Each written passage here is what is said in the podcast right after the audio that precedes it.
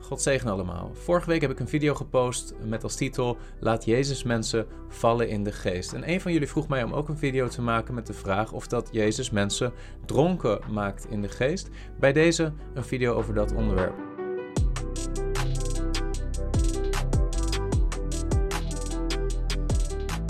Wat bedoelt men eigenlijk precies in de charismatisch-christelijke wereld met dronken in de geest? Nou, wat je meestal ziet is dat uh, in een charismatische kerkdienst er een meestal vrij korte en oppervlakkige preek wordt gehouden over een bepaald schriftgedeelte, bijvoorbeeld over de heerlijkheid van God die neerdaalde in de tabernakel, in het heilige der heiligen, uh, of een, vergelijkbare tekst waar het gaat over de heerlijkheid van God. Vervolgens gaat de predikant stoppen met prediken, blijft gewoon uh, stilstaan op zijn plek of gaat rondlopen door de zaal met zijn microfoon in de hand, terwijl de een na de andere persoon ongecontroleerd begint te lachen, uh, wankelt op de benen, gaat waggelen, de ogen dicht houdt, handen in de lucht heeft. In klanktaal begint te roepen op een extatische manier. En uh, één voor één soms ook mensen op de grond vallen, daar beginnen te trillen, et cetera, et cetera.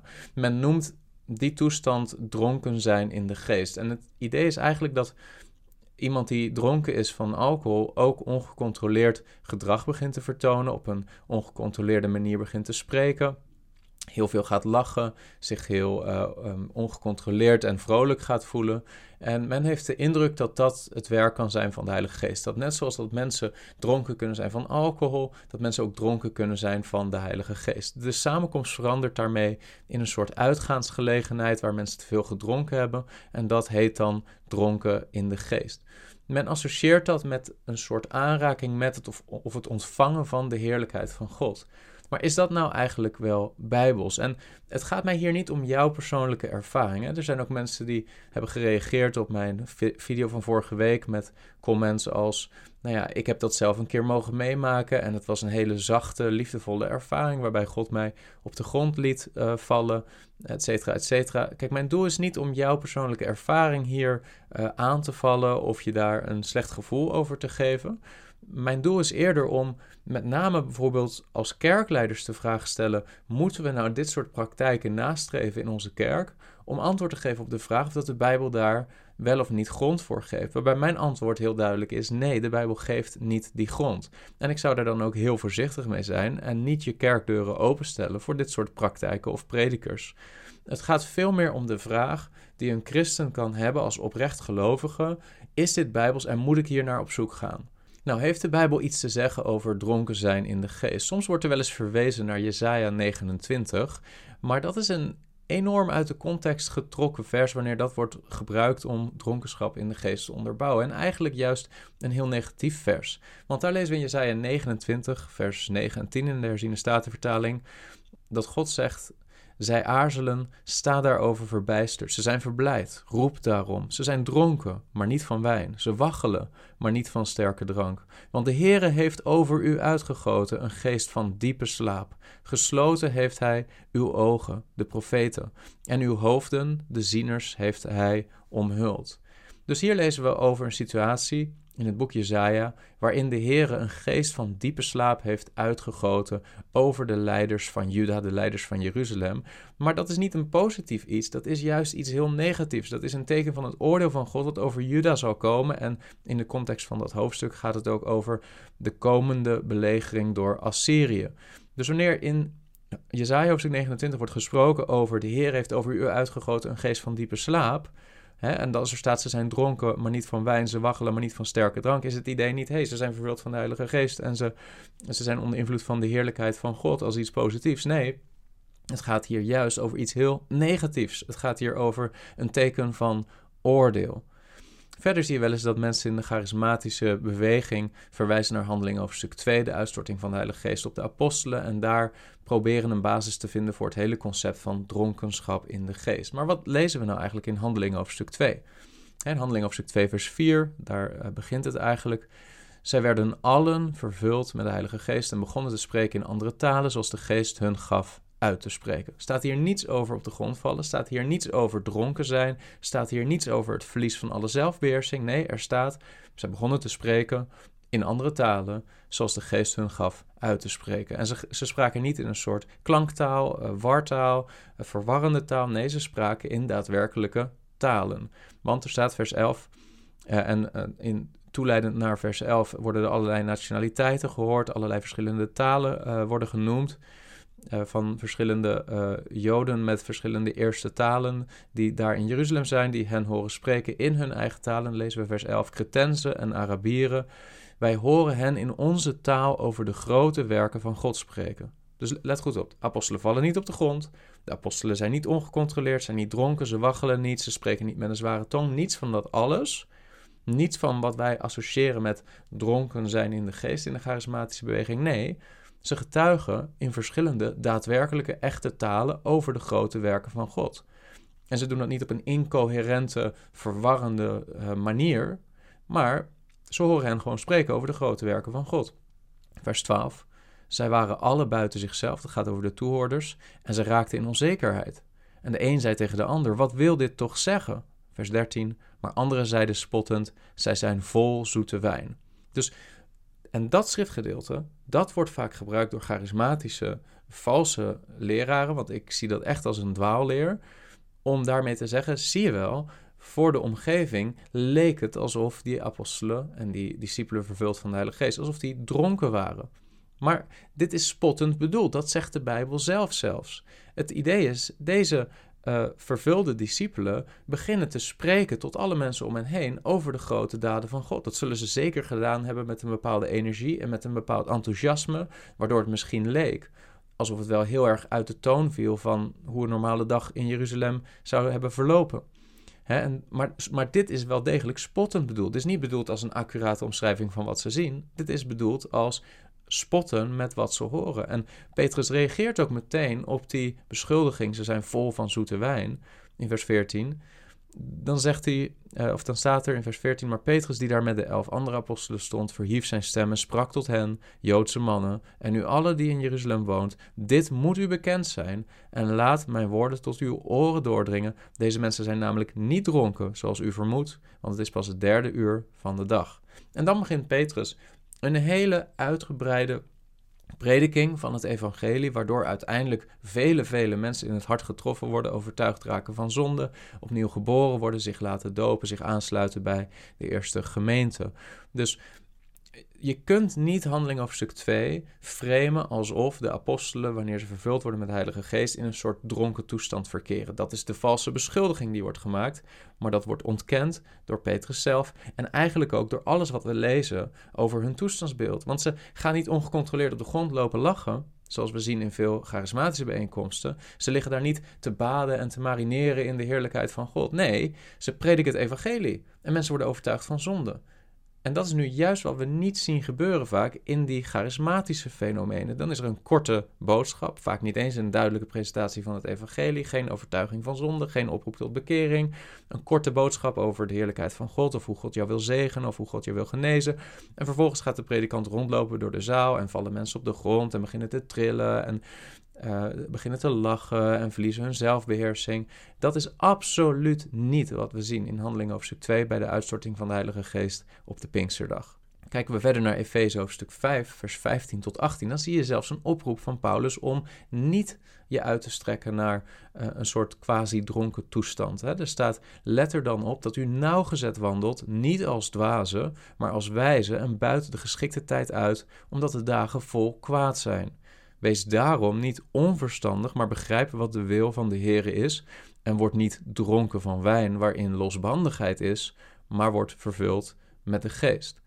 Er wordt hier letterlijk een contrast gelegd tussen dronken zijn van wijn en dus vervolgens in een toestandsbeeld verkeren waarin je losbandig wordt, waarin je je controle verliest, je zelfbeheersing verliest. Dat wordt in contrast gebracht met vervuld worden met de Heilige Geest.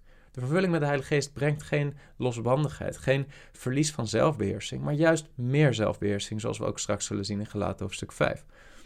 Verder zegt Paulus in Romeinen hoofdstuk 13, vanaf vers 12: De nacht is ver gevorderd en de dag is nabijgekomen. Laten wij dus de werken van de duisternis afleggen en de wapens van het licht aandoen. Laten wij als op klaarlichte dag op een gepaste wijze wandelen, niet in zwelgpartijen en dronkenschappen Niet in slaapkamers en losbandigheden, niet in ruzie en afgunst, maar bekleed u met de Heer Jezus Christus en verzorg het vlees niet om begeerte op te wekken. Dus opnieuw, de apostel Paulus geeft eigenlijk aan het toestandsbeeld van dronkenschap en alles wat daarbij hoort. Hè?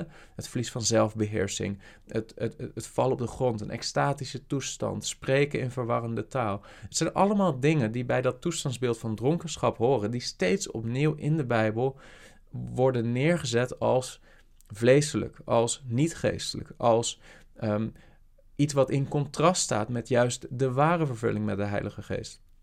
Dat zien we in Romein hoofdstuk 13, dat zien we in Efeze hoofdstuk 5, dat zien we ook op andere plekken. Maar laten we nog even kijken naar Galaten hoofdstuk 5, want daar staat eigenlijk misschien wel het belangrijkste schriftgedeelte wat hier een antwoord op geeft op de vraag: zorgt Jezus ervoor dat mensen dronken worden in de geest? Galaten 5 vers 22, de vrucht van de geest is echter liefde, blijdschap, vrede, geduld, vriendelijkheid, goedheid, geloof, zachtmoedigheid, zelfbeheersing.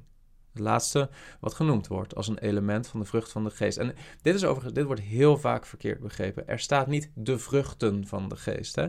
De, het is ook niet wijs om een soort idee te hebben dat je liefde en blijdschap en vrede allemaal als losse kwaliteiten moet zien, die je allemaal los zult ontvangen van de Heilige Geest. Nee, de vrucht van de Geest. Dat wil zeggen, op het moment dat de Heilige Geest in jou woont, dan is de vrucht van de Geest is al die eigenschappen. Liefde, blijde, blijdschap, vrede, geduld, vriendelijkheid, goedheid, zachtmoedigheid, geloof, zelfbeheersing.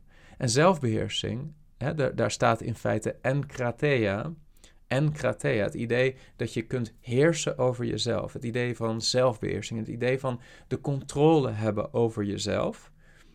Dat is precies het tegenovergestelde van dronken zijn. Dat is precies het tegenovergestelde van het verliezen van je zelfbeheersing, het op de grond vallen, het uh, de controle kwijtraken. Datgene wat vaak gezien wordt als zo geestelijk en zo'n duidelijke manifestatie van de geest van God in de charismatische beweging, is eigenlijk precies het tegenovergestelde van dat wat de Bijbel zegt dat de vrucht van de geest is, namelijk zelfbeheersing. Niet vallen op de grond, maar opstaan, op je voeten staan, wandelen in de geest, het spoor houden in de geest. Wat staat er daarna? Gelaten 5 vers 23. Daartegen richt de wet zich niet. Maar wie van Christus zijn, hebben het vlees met zijn hartstochten en begeerte gekruisigd.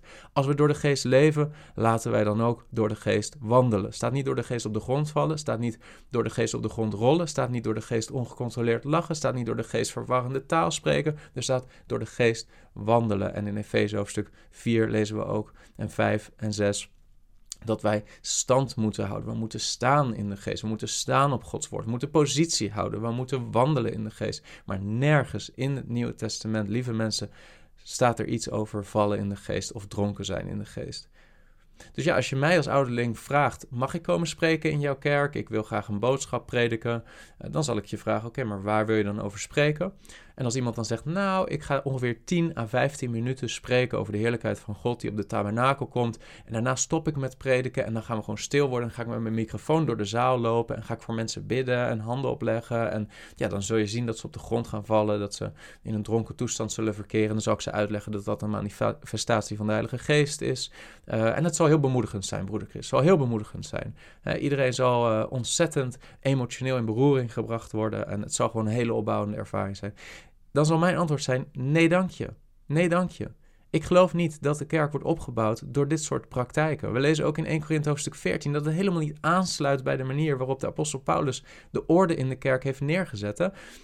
Kijk eens goed naar 1 Korinthe hoofdstuk 14. Dat schriftgedeelte wat zo vaak door charismatische kerken juist als belangrijkste schriftgedeelte wordt aangehaald. 1 Korinthe 12 en 1 Korinthe 14 om alle praktijken rondom gaven van de geest en extases, et cetera, et cetera, in hun gemeente te verdedigen. Maar wat, wat zegt Paulus hier? Lees 1 Korinthe 14 vanaf vers 23. Als nu de hele gemeente samen zou komen en alles spraken in andere talen en er kwamen niet ingewijden of ongelovigen binnen. Let goed op, dat is het voorbeeld wat het, het tegenargument wat Paulus hier noemt. Hij zegt, stel je voor, je hebt je kerkdienst en er komen ongelovigen binnen. Er komen mensen binnen die het evangelie nog niet gehoord hebben, niet ingewijden. Zouden ze dan niet tegen u zeggen dat u buiten zinnen bent? Met andere woorden, je bent, dit is krankzinnig wat hier gebeurt, dit is, dit is gek, dit is een circus. Is dat het fundamentele argument wat Paulus hier gebruikt tegen de praktijken in de gemeente in Korinthe? Is dat niet van toepassing op heel veel charismatische samenkomsten vandaag de dag, ook in Nederland? Het idee dat een nieuw iemand binnenkomt. En misschien voor het eerst geconfronteerd zou kunnen worden met de oproep tot bekering, de overtuiging van zonde. Uh, uh, het idee dat Jezus is gestorven voor onze zonde. Dat iemand in het hart zou kunnen worden getroffen door het werk van de geest van God. Opnieuw geboren kan worden door de preking van het evangelie. Vergeving van zonde kan ontvangen. Zich kan laten dopen. Al die dingen die horen bij het ware evangelie van Jezus Christus. Maar wat zegt Paulus? In plaats daarvan Zouden ze niet zeggen tegen u dat u buiten zinnen bent? Als de spreker door de kerk gaat lopen met zijn microfoon in zijn hand en de een na de ander valt op de grond, begint ongecontroleerd te lachen, begint te spreken in verwarrende taal en, en, en, en is dronken in de geest. Zou men dan niet terecht zeggen dat je buiten zinnen bent, dat, je, dat, dat men gek is geworden, dat je eigenlijk in een soort psychiatrische probleemkliniek terecht bent gekomen met ernstig zieke mensen? Dat, dat is in feite waar Paulus het over heeft. Dat is wat hij zegt. Dat is zijn tegenargument. Maar, vers 24, als allen zouden profiteren. En dan gaat het over het spreken van Gods waarheid. Hè? Ik heb een preek over wat is de betekenis van profetie. Maar als allen zouden profeteren. En dan heb ik het niet over allerlei weetjes hebben over iemands leven van wat er in de toekomst met hem zal gebeuren. Dat is volgens mij helemaal niet de bijbelse betekenis van profetie. Maar als mensen het waarachtige woord van God zouden prediken, als er de waarheid van het evangelie wordt gepredikt, de oproep van bekering van zonde wordt gepredikt, als allen zouden profiteren en er kwam een ongelovige of niet ingewijde binnen, dan zou die door allen overtuigd en door allen beoordeeld worden. We hebben het hier over de overtuiging van zonde. We hebben het hier over het waarachtig werk van de Heilige Geest om te overtuigen van zonde, van oordeel en van gerechtigheid. En zo worden de verborgen dingen van zijn hart openbaar. En zo zal hij zich met het gezicht ter aarde werpen en God aanbidden en verkondigen dat God werkelijk in uw midden is. Staat hier niet, hij valt op de grond omdat hij overweldigd wordt door de heerlijkheid van God. Nee, er staat, hij zal zich met het gezicht ter aarde werpen. Dat doet iemand zelf. En hij zal God aanbidden en verkondigen dat God werkelijk in uw midden is. Waarom? Omdat hij overtuigd wordt van zonde. En omdat hij ervaart dat het woord van God een overtuigend woord doet in zijn hart. Dat hij een zondaar is die verlossing nodig heeft. En als dan het evangelie wordt gepredikt als de oplossing voor dat zondeprobleem. Dan, dan is dat zo'n overrompelende ervaring. Dat mensen zich soms op de aarde zullen werpen en God zullen aanbidden en verkondigen dat God werkelijk in hun midden is, in uw midden is. Maar dat is het fundamentele bezwaar van Paulus. Hij zegt: Verplaats je in iemand die geen confrontatie heeft gehad met christelijk geloof, die binnenkomt in de samenkomst. En wat wil je dan dat die ziet in jouw kerk? Wil je dan dat hij binnenkomt en allerlei mensen in brabbeltaal hoort spreken, op de grond ziet vallen en ongecontroleerd ziet rollen over de grond? Dan moet je naar de charismatische kerken gaan. Maar Paulus zegt: dat is niet wat ik wil als apostel. Dat is niet wat de Heilige Geest wil. Dat is niet wat de apostelen en het apostolisch getuigenis in de Nieuw-testamentische geschriften ons laten zien. Wat moet niet-ingewijde zien als die binnenkomt. De waarheid van Gods woord moet gepredikt worden op een overtuigende manier, zodat iemand kan komen tot een ware relatie met God.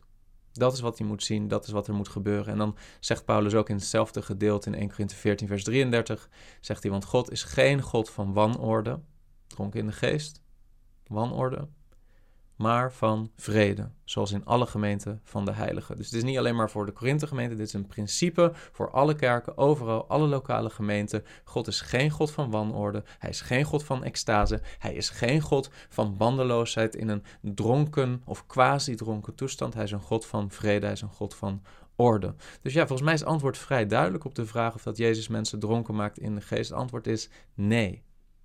Sommigen van jullie hebben in de comments nog wat vragen gesteld, dan wel bezwaren gegeven op mijn video van vorige week. Daar wil ik kort bij stilstaan.